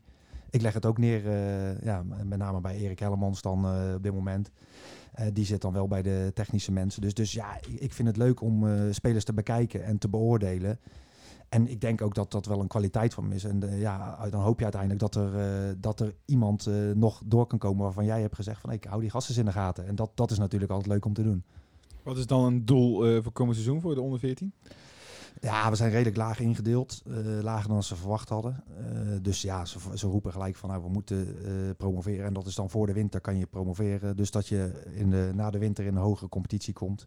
Nou, we speelden tegen de Graafschap. Die speelde een competitie hoger. Daar wonnen we met 3-2 van dik verdiend. Dus dan weet je ongeveer wat je niveau was. Alleen, ja, dat moet nog maar blijken in de komende half jaar. Alleen, als trainer zeggen we altijd, de ambitie is dat wij in een jaar tijd die gasten veel beter maken. En zo hoog mogelijk spelen is uiteindelijk ook het doel van de, de jeugdopleiding. Want dat vroeg ik me af, want hè, je zegt inderdaad, je promotie is dan het doel wat je vanuit de organisatie wellicht eh, meekrijgt. Maar het primaire doel zal er inderdaad zijn die spelers beter maken. Is, is het ook zo dat je dan in je trainingen meer focust op ontwikkeling dan op, op resultaat? Ja, nou ja, op die leeftijd is ontwikkeling eigenlijk nog, nog belangrijker. Alleen, ja, ehm nou, ik wil wel de jeugdteams allemaal op een zo hoog mogelijk niveau. Dus er zit ook wel prestatiedrang in. En eh, ontwikkeling gaat samen met prestatie. Want uiteindelijk eh, ben ik van mening, ehm, je moet eh, die winnaarsmentaliteit creëren. En die kan je ook in de jeugd creëren. Dus draait het om winnen. Op de trainingen kan je aan ontwikkeling werken, maar de wedstrijden draaien allemaal om winnen. Dus, dus je, je stelt de week wel in teken van die wedstrijd. En die wedstrijd moet gewonnen worden. Dus uiteindelijk blijft dat het doel. En dat is ook het doel wat ze uiteindelijk bij de senioren moeten hebben. Dus dat, dat probeer je wel zoveel mogelijk mee te geven. Volgens mij was het ook, maar dat was onder Tom van der Belen. Maar goed, die heeft natuurlijk ook met Helmond samengewerkt. Ook eh, het streven om de teams eh, te verkleinen, ook in de jeugd. Zodat ook de, de pareltjes uit ieder team ook wellicht al wat wedstrijden bij het eh, hogere leeftijdssegmentje zouden meepikken. Ja, dat, dat is ook gebeurd. De teams zijn allemaal kleiner geworden. Ik weet dat wij bij de onder 17 geloof ik 25 man hadden afgelopen jaar. Ja, dat was een eigenlijk veel te grote selectie. Waardoor ook heel veel jongens bijna geen minuten maakten. Waar allemaal wedstrijden voor gecreëerd moest worden. Ja, hoe kleiner de kern, ehm, hoe beter het niveau. eh, en hoe beter spelers worden. En dat is ook zo. Alleen ja, als je met blessures te maken krijgt, moet je weer gaan doorschuiven. Dus dan ja, moet je weer van een, een lager team de beste spelers halen. Die zijn er natuurlijk ook niet blij mee. Dus het is een heel moeilijk systeem. Alleen ja, de kern iets kleiner houden, waardoor het niveau automatisch omhoog gaat. eh, ja, die slag is wel gemaakt. Van wie in de onder 19 die jij afgelopen seizoen hebt gezien, eh, verwacht je wat? Nou, wel, ik zal onder 17 eh Ja, die, zijn, uiteindelijk. die, dan, die dan nu misschien in de onder 19 terechtkomen. Ja, er zijn er eh, twee die zeg maar al eh, nou, die naar de onder 18 zijn gegaan, maar twee zijn er naar de onder 21 doorgeschoven. Luc Marijnissen en Jaden. Ehm, ja, Luc Marijnissen die deed al heel vaak mee van de onder 17 met de onder 19 vorig jaar. Die is doorgeschoven, centrale verdediger. Ja, die heb ik wel gezien en daar, daar zie ik wel toekomst in. Nog een jongen, Tika de Jonge, helaas naar Groningen gegaan. Dat waren jongens waarvan ik wel gelijk eh, kon zien van ja, dat, daar zit potentie in. En die hebben een kans om het te halen. Ja, ja, je raakt er één van kwijt. en Dat is het risico. eh, en dat is natuurlijk vaker gebeurd in de jeugd de afgelopen jaren. Maar ja, dat, dat kan je wel eh, snel zien. Dat dat jongens zijn die net een stapje voor zitten bij, bij de andere jongens. Je zegt zelf al, je bent bij RBC toen weggestuurd. Was weggestuurd was voor mij zei je. Ja, ja klopt. Ehm, maar je hebt er wel een tijdje gezeten. Wat neem je mee naar die jongens toe? Van wat kun je ze bijbrengen? Of juist zeggen van dat moet je juist niet doen? Nou ja, ehm, één ding is met teleurstelling om leren gaan. Eh, iedereen die komt een keer op de bank te zitten. Eh, heel veel worden een keer weggestuurd. Ja, mijn drijfveer is altijd, eh, ja, je geeft pas op op een leeftijd dat je zegt van nou, ik ben nu 22, ik heb het echt niet gered. In mijn ogen zit tot die tijd, als jij de drijfveer hebt om betaald voetballer te worden, kan je tot een hele oude leeftijd. Ja, ik, ik was 21 toen tekende ik mijn eerste contract bij NAC op dat moment. Ja, dat is vrij oud. Alleen dat is wat je meegeeft, dat, dat jongens gemotiveerd blijven en er plezier in houden. En ja, uiteindelijk eh, zijn er ook jongens die bij onder 17 ook die gestopt waren, die gewoon geen motivatie meer hadden. Ja, dat hou je niet weg. Als ze echt niet gemotiveerd zijn, dan hou dat weg. Alleen dat ze, ook als het even tegen zit, dat ze door blijven gaan. Dat is wel iets eh, wat ik eh, mee blijf geven. En, en nadenken over het spelletje. Dus het is een stuk mentaal. En een stuk voetbal is ook nadenken. Dus, dus denk wat je doet. En dat zijn de twee dingen die in mijn ogen het verschil maken. Of je het net wel of niet gaat redden. Want voetballen kunnen ze allemaal. Anders zit je niet in de jeugdopleiding van NAC. Ja, klopt. Ehm, je noemde ook als een naam, eh Rogier Molhoek. Staat voor mij bij NAC ook redelijk hoog aangeschreven. Ehm, kun je uitleggen wat voor trainer dat is? Ik denk dat voor veel volgers eh, nog redelijk ja, onbekend en, is. eh, ja, het is een hele, hele duidelijke trainer naar zijn groep toe. Maar ook iemand die tussen de jongens in staat. Die niet, niet te, te veel boven staat. Dus die schouder om iedereen heen slaat. Ehm, maar echt een hele duidelijke visie ehm, in wat hij wil. Dus, dus, dus zijn trainingen zijn allemaal gericht op hoe hij wil dat ze op een, eh, op een zaterdag spelen. Dus die is echt bezig met, ja, we trainen niet om maar bezig te zijn. Nee, we trainen echt om naar een doel toe. De jongens moeten beter worden. Eh, ik wil bepaalde dingen zien in die wedstrijd. De tegenstander wordt geanalyseerd. Dus nou ja, eh, wat ik zei, toen ik bij RBC in de jeugdopleiding zat, nou heb ik nog nooit, toen had je nog geen videobeelden, maar nog nooit een tactische bespreking over de tegenstander of dingen die getraind werden die je terug wilde zien. Dus de professionaliteit. En eh, hij heeft natuurlijk ook een carrière gehad onder Van Gaal gewerkt. Dus je ziet wel dat hij heel veel dingen heeft meegekregen van grote trainers. En die hand zie ik zeg maar in zijn oefening ook dat er echt over nagedacht is. Maar is dat echt zo bepalend? Want je hebt, eh, natuurlijk zelf ook betaald voetbal gespeeld. Je hebt natuurlijk ook onder verschillende trainers gewerkt. Is het dan zo dat je echt van al die trainers eh, elementen meepakt in wie jij nu als trainer gaat worden? Nee, absoluut. En ook heel veel dingen eh, die je anders zou doen. Dus ja, ik heb ook heel veel trainers meegemaakt waarvan ik denk van dat zou ik anders doen. Dus Dan ook ben ik wel benieuwd wat echt de ja. trainer was. Daar laat ik er niet te veel een boekje over doen, want ik heb vrij veel bekende trainers en ook met heel veel nakverleden. Ik noem Ton Lokhoff, Ruud Brood als trainer gehad. Maar ik denk maar dat je met over Ruud Brood tevreden, eh, positief zal zijn. Want die heeft je naar Helmond Sport Nee, ja, eh, ik heb met Ruud Brood bij Helmond Sport gewerkt, eh, waar wij twee keer op een haar na promoveerden. Met RKC zijn we kampioen geworden. Daarna hadden we op een haar na Europees voetbal, werden we in die finale uitgeschakeld na onze promotie door Vitesse. Dus ja, ik heb natuurlijk heel veel positieve dingen meegemaakt met Ruud Brood. Ja, ik heb natuurlijk ook afgelopen jaar meegekregen dat, dat niet alle verhalen zo positief zijn. Ja, maar als ik zelf over mijn persoonlijke ervaring kan vertellen, ja, ben ik, ben ik heel erg te spreken over Ruud Brood. En ik heb ook eigenlijk alleen maar nagenoeg bijna succesverhalen meegemaakt met hem. Dus dan is dat ook logisch.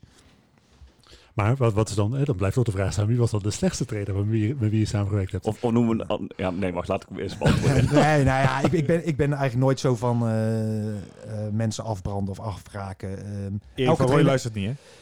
Erik van Rooij is niet. Nee, ja, Erik van Rooij moet nog een heel jaar meemaken. Maar Trainer van Dia. Ja, van Dia. Die, eh, nee, ja, bij de amateurs heb je natuurlijk sowieso trainers waarvan je zelf uit betaalde voetbal denkt van ja, eh, wat, wat, wat is dit voor een trainingsniveau? Maar kan je wil, vast ook niet wil je iets, een- iets noemen dan? Een bepaald voorbeeld Nee, dat nou je ja, dacht van... ik bedoel, eh, als, jij, als jij oefenstof krijgt bij een amateurclub en je komt net uit betaalde voetbal. Nou, ik had het bijvoorbeeld bij, bij Halsteren had ik dat. En hartstikke, hartstikke relaxe, goede trainers. Maar dan denk je, ja, die oefenstof, dat is niet wat je gewend bent. En dan denk je echt van, dat kan veel anders. En dan zou je eigenlijk hopen dat, dat, ze, dat je jezelf wat meer erbij betrekken. Om te denken van, ja, hoe kan je het wat interessanter maken? Waar heel veel jongens tegenaan liepen, dat we elke, elke week precies hetzelfde deden.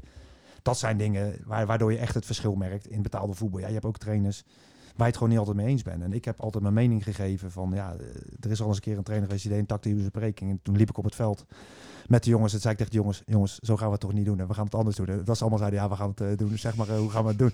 Ja, en dat is gewoon in betaalde voetbal geweest. En ja, dus soms ben je het niet eens. En uiteindelijk eh, verliep die wedstrijd heel goed. En eh, ik geloof wel met 3-0 wonnen. En de trainer zei geweldig uitgevoerd. Terwijl we eigenlijk iets anders deden dan wat hij gezegd had.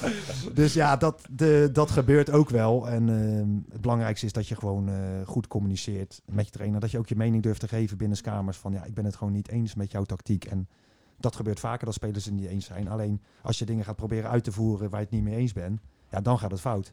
Dus je moet het wel van tevoren hebben aangegeven van kunnen we dat niet anders doen.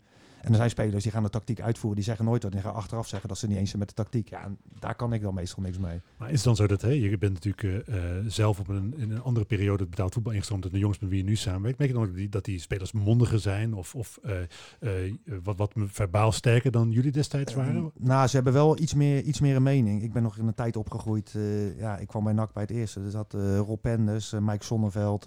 Ja, als jong ventje eh, wilde je echt niet die gasten tegenspreken. En aan het eind van mijn carrière bij Helmond bijvoorbeeld, ja, was ik de oude rot. En dan waren gastjes van 18 jaar en die gaven een weerwoord. En die dachten dat ze er meer verstand van hadden soms. Ja, dat kon ik niet echt begrijpen. Want voor mij was het gewoon normaal van, ja, die oude gasten, luister je gewoon naar. Maar toen was de opbouw ook veel anders. Er waren meerdere oude gasten, waardoor je als jonkie niet zoveel durft te zeggen. En nu komen er vijf jonkies door, ja, die, die elkaar eh, rugdekking geven. Dus zo worden ze wel wat mondiger. En dan maakt het wel eens wat lastiger, want dan denk je, ja, eh, hoe lang loop jij nou mee? Eh, en ik ben dan nooit zo om dat zo te zeggen. Alleen, ja, eh, gasten die hebben in ieder geval iets meer een, een weerwoord dan dat vroeger was. Welke ambitie heb je zelf eigenlijk nog in het trainersvak? Heb je echt het, het plan om door te stoten tot ooit een keer ergens hoofdtrainer te worden?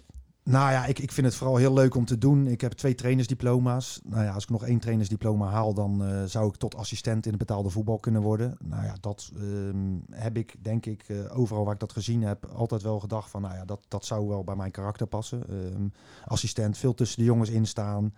De functie als teammanager die ik had bij RKC was ook zo, lekker tussen de jongens. ehm, luisterend oor naar de jongens en, en ja, veel persoonlijke tips geven. Dus dat, dat zou ik wel zien zitten. Of ik echt hoofdtrainer wil worden in betaalde voetbal. Ja, dat moet nog maar blijken. Misschien dat ik tegen die tijd denk van ik wil echt.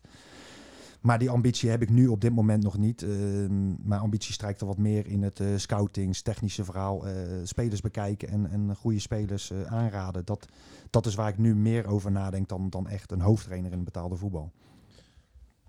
Tot slot, eh, tenminste, tot slot, eh, we hebben nou je trainerscarrière al even gehad. We kunnen ook niet voorbij aan je spelerscarrière. Had maar wel voor, voor Bohemian Spraak gekozen, ja. Ja, je ja. vraag gekozen.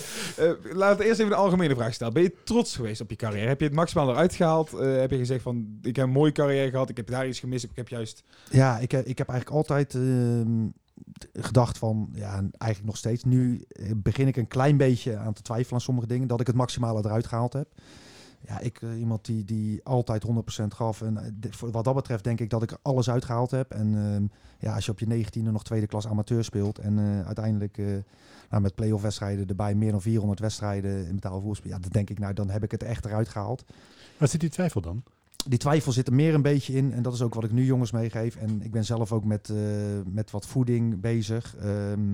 Herbalife, zeg maar. Mensen voeding en sporten. Ik heb daar zelf tijdens mijn carrière eigenlijk te weinig aandacht aan gegeven. En ik denk, als ik dat misschien wel had gedaan... had ik misschien toch nog wat procentjes gewonnen... en nog wat meer eruit gehaald. Ehm, voetbal qua mentaliteit... denk ik dat ik echt alles eruit gehaald heb. Ehm, alleen... Ja, ik was nooit zo van de voeding. Ik kon alles eten, ik bleef altijd slank. Alleen nu merk ik dat de voeding toch heel veel doet. En dat 80% van jouw fitheid bepaald wordt door voeding en maar 20% eh, het sporten zelf. Dus daardoor denk ik nu van oké, eh, misschien had ik er nog wel meer uit kunnen halen als ik daar meer aandacht aan besteed had. Alleen dat was toen op dat moment nog niet zo'n issue. Ehm, het krachtverhaal, ja, ik, was, ik was een loper, dus, dus ik was niet zo bezig met krachttraining. Alleen nu merk ik ook dat je wel op een bepaalde manier krachttraining kan doen. Gewoon functioneel. ja, functioneel. En eh, ik was toevallig vandaag bij een maatje van me. En die, eh, dat is de buurman van Wouter Burger, die bij, eh, bij Feyenoord speelt. Nou, die is dus in de coronaperiode is die echt met een personal trainer aan de gang gegaan. Die is 12 kilo spiermassa aangekomen. En die zegt ook echt van ja, dat gaat het verschil maken. Dat je toch die periodes aangrijpt. En dan denk ik van ja, zulke soort dingen. En die had dezelfde bouw als dat ik had. Dat ik denk van ja, als je daar toch in de juiste periodes misschien wat meer aandacht aan had besteed. had je toch misschien nog meer stappen kunnen maken. En dat is de enige twijfel die ik heb. Alleen, ja, ik zou nu op dit moment ook niks geen twijfel hebben over de keuzes die ik heb gemaakt. En, eh, ja, sommige keuzes, hè, dat kun je achteraf objectief nieuw gezien. verhuizen. Nou, Amper hoeven verhuizen. Ja, nee, ik moet zeggen, ik heb wel eh, eigenlijk alles in Brabant gehad. Dus, dus wat dat betreft kon ik altijd gewoon lekker in Breda blijven wonen. Dat, eh, dat was het voordeel. Hè. Waalwijk, Helmond was nog redelijk ver, maar ja, kon ik ook wel eh, blijven wonen. Dus qua, qua locatie, eh, ja, alleen Duitsland was echt eh, verhuizen. Excelsior was ook dichtbij vanaf, eh, vanaf Breda naar Rotterdam. Dus ik heb maar één keer echt hoeven verhuizen voor het, eh, voor het voetbal. Dus eh, ja, dat was ook wel prima. Als je ergens een gouden randje omheen mag zetten, moment. Ga nou niet dat doelpunt Ja, noemen. Nee, Nee, nee, nee, nee. Nou ja, ik, ik heb... ehm, ja, ze hebben wel eens gevraagd, wat zijn je top drie momenten of je top drie goals? Ehm, ja, ik heb in de kampioenswedstrijd voor RKC bij Fortuna Sittard uit... eh, uiteindelijk de, maakte ik de 2-0, waardoor wij zo goed als zeker kampioen waren. Ik was daarbij. Ben je erbij geweest? bij die Jazeker. Een baatje van mij is een hele eh diehard RKC-supporter. Dus ik was toen uitgenodigd om mee te gaan naar, de, naar die wedstrijd. Ja, nou ja, dus dat is natuurlijk wel iets, iets wat bijblijft. Eh, ja, eh 1-1 scoren in de Kuip is toen gezegd met RKC. Drie minuten voor tijd. Nou ja, ik kom van origine uit Willemstad en dat is de, de helft is voor Feyenoord en de andere helft is voor NAC. Nou ja, ik ben zelf met mijn vrienden altijd meegegaan naar NAC, zeg maar. Dus ik zat een beetje aan het NAC-kamp.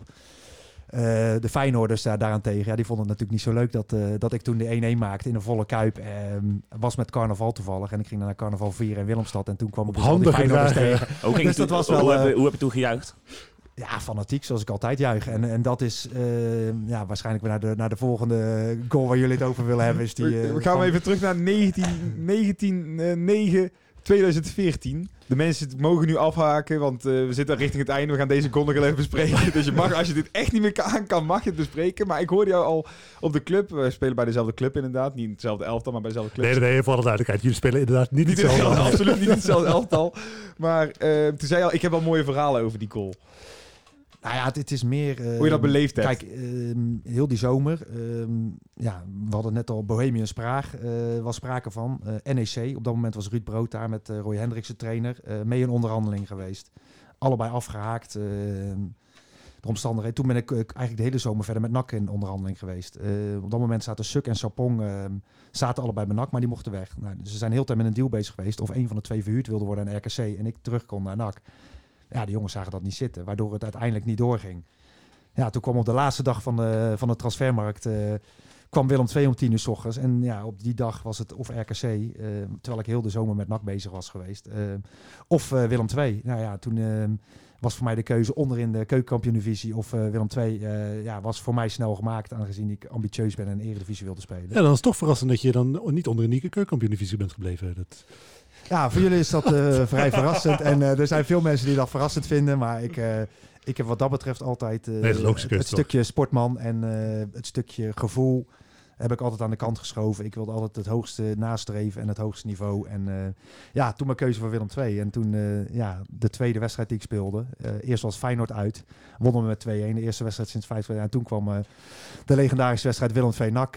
ja, wat me door vooral mijn vrienden en ook nog wat andere Breda's niet in dank is afgenomen. Alleen ja, dat is voor mij een moment heel bijzonder. Vooral door de aandacht eromheen. Ehm, net voordat ik naar eh, Willem II ging, stond een heel stuk van eh, Dennis van Bergen, meen ik, in eh, de VI. dat ik samen met mijn vrienden gespot was op de open dag van NAC. Dus alleen maar over mij en NAC. Ja, en toen ging ik naar Willem II. Dus toen werd me er al niet in dank afgenomen door de Willem II-fans op dat moment. Was je ook op de open dag toen? Ik ben toen op de open dag geweest. ja, dus, ja, dus het was twee weken voor Handtekeningen de scoren, ik snap stond, ik, dat. stond ik nog. Ja, en Enrico Drost, een maatje van me, speelde toen bij NAC. Dus daar heb ik toen de hele tijd bij gestaan. Dus ja, dat was al eh, een heel verhaal. En dus hele, ja, de krant stonden de week van tevoren stonden er alleen maar vol mee. Want iedereen wist op dat moment wel van ja, eh, de voorkeur voor NAC. Alleen ja, toen ik scoorde natuurlijk voor Willem II, toen vonden mijn nakkers eh, ja, niet meer eh, dat ik een voorkeur had. Toen was ik, werd ik wel met open arm ontvangen bij Willem II, terwijl het daarvoor niet was. Eh, Heb je er de- nooit een seconde gedacht, ah, deze bal ga ik even naast schieten, hoor, want ik kan ze niet aandoen. Nou ja, op dat moment, op dat moment ben je alleen maar bezig. Tuurlijk. Gewoon, je wil winnen. En, maar nadat ik die goal scoorde en daarna, en toen eh Jelle ook naar me toe kwam, die ik overigens heel goed ken, eh, die zo boos op me werd. Ja, dan gaan er wel scenario's door je hoofd. En dat je denkt van, oké, ja, hier zal niet iedereen blij mee zijn. Alleen, ja, ik heb altijd gezegd, eh, als ik het veld opstap, waar ik ook stap, ik ben een winnaar, ik wil altijd winnen. En dan na de wedstrijd ga ik wel nadenken over de sentimenten en de gevoelens van anderen. En ja, ik heb ook altijd gezegd, eh, er zijn anderen die dat ehm, niet leuk zullen vinden. En die begrijp ik ook. Want ik begrijp de supporter. Ik ben zelf ook supporter geweest. Ik had ook een hekel had, gehad aan mij als speler. Als supporter zijnde. Dus ik begrijp ook de, de emotie. Alleen, ja, ik, ik, ik, zal, ik zal altijd weer hetzelfde doen als ik weer het veld op Je, je kunt niet anders. Je kan niet anders en dat, dat lijkt me vrij logisch. Alleen ik begrijp ook de emotie. Had niet meer voor Willem II kunnen voetballen hoor, als hij eh expres Ja, gemist had. precies. Maar, maar, maar eh, Levien, ik zou even, als jou als ras echt een nakker, zo kent, kent iedereen jou ook, Laten we, zou jij voor Willem II kunnen voetballen? laten we even beginnen met het feit dat, precies, dat mijn talent mij niet eens in de buurt van een contract gebracht had. Eh, ik heb er al wel eens over nagedacht natuurlijk. En ik, je gaat dan natuurlijk, ik ben, dan spreekt echt mijn supporters Ik zou een, clausule in mijn contract willen dat ik niet tegen NAC hoef te voetballen. Maar ik zou dan, maar ja goed, als ik, als je, ik snap het heel goed, zeker de laatste, Oh, ja, laatste dag van de transferperiode. Tuurlijk, dan had nee, ik kan dit niet zeggen. Nee, ik denk het niet. Eh, nee, ja, ik kan dat niet. Maar dat is anders. Ik ben, eh, het is niet mijn brood, weet je. Het is niet mijn... eh, Waar zou je ervoor kunnen werken? ja, maar dat, dat, dat zou betekenen dat je bijvoorbeeld ook niet in je, je professionele leven kan werken voor organisaties waar je het misschien... Waar je, nee, ja. Nee, ik vind dat, nee, dat, ik zeg dat nu wel. Ik vind dat moeilijk. Ik ben bijvoorbeeld ook voor een publieke organisatie gaan werken, omdat ik... Nee, ik kan niet voor organisaties werken waar ik me niet eh, co- comfortabel bij voel. Dus Willem II zou ik niet voor kunnen werken. Maar, Maar goed, mijn salaris. was ik al bang voor. Ja, dat wil ik gewoon zeggen, kom maar. Jij Ik voetbalt wel ook. Ehm, ja, het ligt echt onwijs aan je situatie natuurlijk. En op een gegeven moment, als je een bepaalde leeftijd hebt en je moet nog geld verdienen. Kijk, als, als voetballer eh, kan je je geld verdienen tot je 34ste. En daarna moet je iets anders gaan doen. Of je moet bij eh, Europese topclubs voetballen. Ja, en in dit geval het verschil keukenkampioen-divisie of eredivisie. Nou ja, ook voor je carrière eh, kan het inderdaad zijn als je bij RKC Ja, blijft dat, hangen. dat, dat was het vooral. ehm, op dat moment, eh, ja, dan eh, zag je al dat er, eh, ja, dat er wat stond te gebeuren. Negatieve zin bij RKC. eh, een hele leegloop. En ja, we speelden de eerste wedstrijd in de voorbereiding. En eh, ja, dan zag je al dat, het, dat er heel weinig meer van over was. En ja, dan gaat je sportieve hart spreken. Je denkt van dit, dit wil ik niet. Terwijl ik natuurlijk ook enorm veel affiniteit had na al die jaren bij RKC. Alleen ja, dan eh, ga je toch denken van ik wil nog het maximale uit mijn carrière halen. Op dat moment was ik 31 en eh, nou ja, die, die kansje was er bijna bij NAC en daar had ik mijn zin op gezet. Ging niet door. Bij NEC die uiteindelijk eh, met een nieuw puntenrecord kampioen werden met eh Jahan Baks en Ars, nou ja, onder, onder Ruud Brood op dat moment. Waar ik ook wel van dacht van ja oké, als ik dan toch in de keuken, dan wil ik wel om een kampioenschap wel spelen. lekker geweest, als een goaltje of, ja, nou ja, die Santos, die, ze maakten er allemaal 20. Dan denk ik, nou ja, als je daar tussen de 10 en de 15 goals kon maken, dan sta je ook weer op de kaart. Alleen de clausule was, ze wilden me een eenjarig contract geven. En ik wilde dan wel mee naar de Eredivisie met NEC. En dat is ik. daardoor dan ni- niet doorgegaan. Ah, ik ben er gewoon echt niet... Ik zou dat denk ik echt niet kunnen. Voor Willem Ik zou het ook niet kunnen. Ik zou het echt niet kunnen. Echt niet. Maar ik snap jouw keuze wel. Ik dat Nee, echt moeilijk... Ik maar ik echt begrijp, eh, hebben. ik begrijp het. Elk supportershart begrijp ik ook. En als je opgegroeid bent vanaf jongs af aan met NAC, begrijp ik ook volledig dat je dat niet kan. Ehm, het verschil is, eh, iedereen ziet mij natuurlijk als een rasnakker Bredana. Oh, oh, ga je nu zeggen dat je Willem II bent? Nee, nee, maar nee, absoluut niet. Maar nee, nee, zo. maar ik wil alleen zeggen, ik, ik ben een jongen uit Willemstad die, die op zijn eh 22e voor het eerst in Breda is komen wonen. Ik heb natuurlijk bij NAC gezeten, alleen iedereen ziet me natuurlijk wel als een Bredana. Is denk ik anders dan dat jij vanaf jongs aan met een paplepel ingegoten eh nakker bent. En ik heb natuurlijk ook eh, vier jaar een seizoenkaart gehad met mijn vrienden. En natuurlijk heb ik een gevoel bij NAC gecreëerd, maar het zit niet zo diep geworteld als dat het bij jullie zit. Dus jullie keuze begrijp ik ook, dat je zegt van, ik zou het niet doen. Dat zijn eh, mooie, wijze woorden aan het einde. Eh, ik vroeg me nog wel af, schoon meneer te binnen. Gaan we nog voorspellen? Weet, je, weet je hem te vinden? Ik denk dat het deze Rechts is. onder, hè? Yes, dat is een goeie. Wacht. Ja, Oh, wacht. Eerst je intro. is niet. We hebben aanstaande... We hebben twee wedstrijden te voorspellen zelfs, die vanuit weer. Ja, We spelen eerst morgen tegen Sparta Nijken. Laten we die eerst doen. Levien, eh, uitslag hè? jij bent bij, ik ben er ook bij. Niet al Bizet maar als supporter. Eh, wat gaan we te zien krijgen? Nee, ja, goed. de- iedereen herinnert zich natuurlijk die bekerwedstrijd. Oh, echt? Nou, daar kan ik een boek over schrijven. Daar was ik bij. Dus, Het was eh, koud. Je bent Koud. geneigd om eh, 1-0 in de verlenging te zeggen. Maar dat... nee, goed. Ik denk dat je toch wel 6-7-0 wint. Zoveel? Jawel. Nee. Oké, blijkbaar niet. 6-7-0.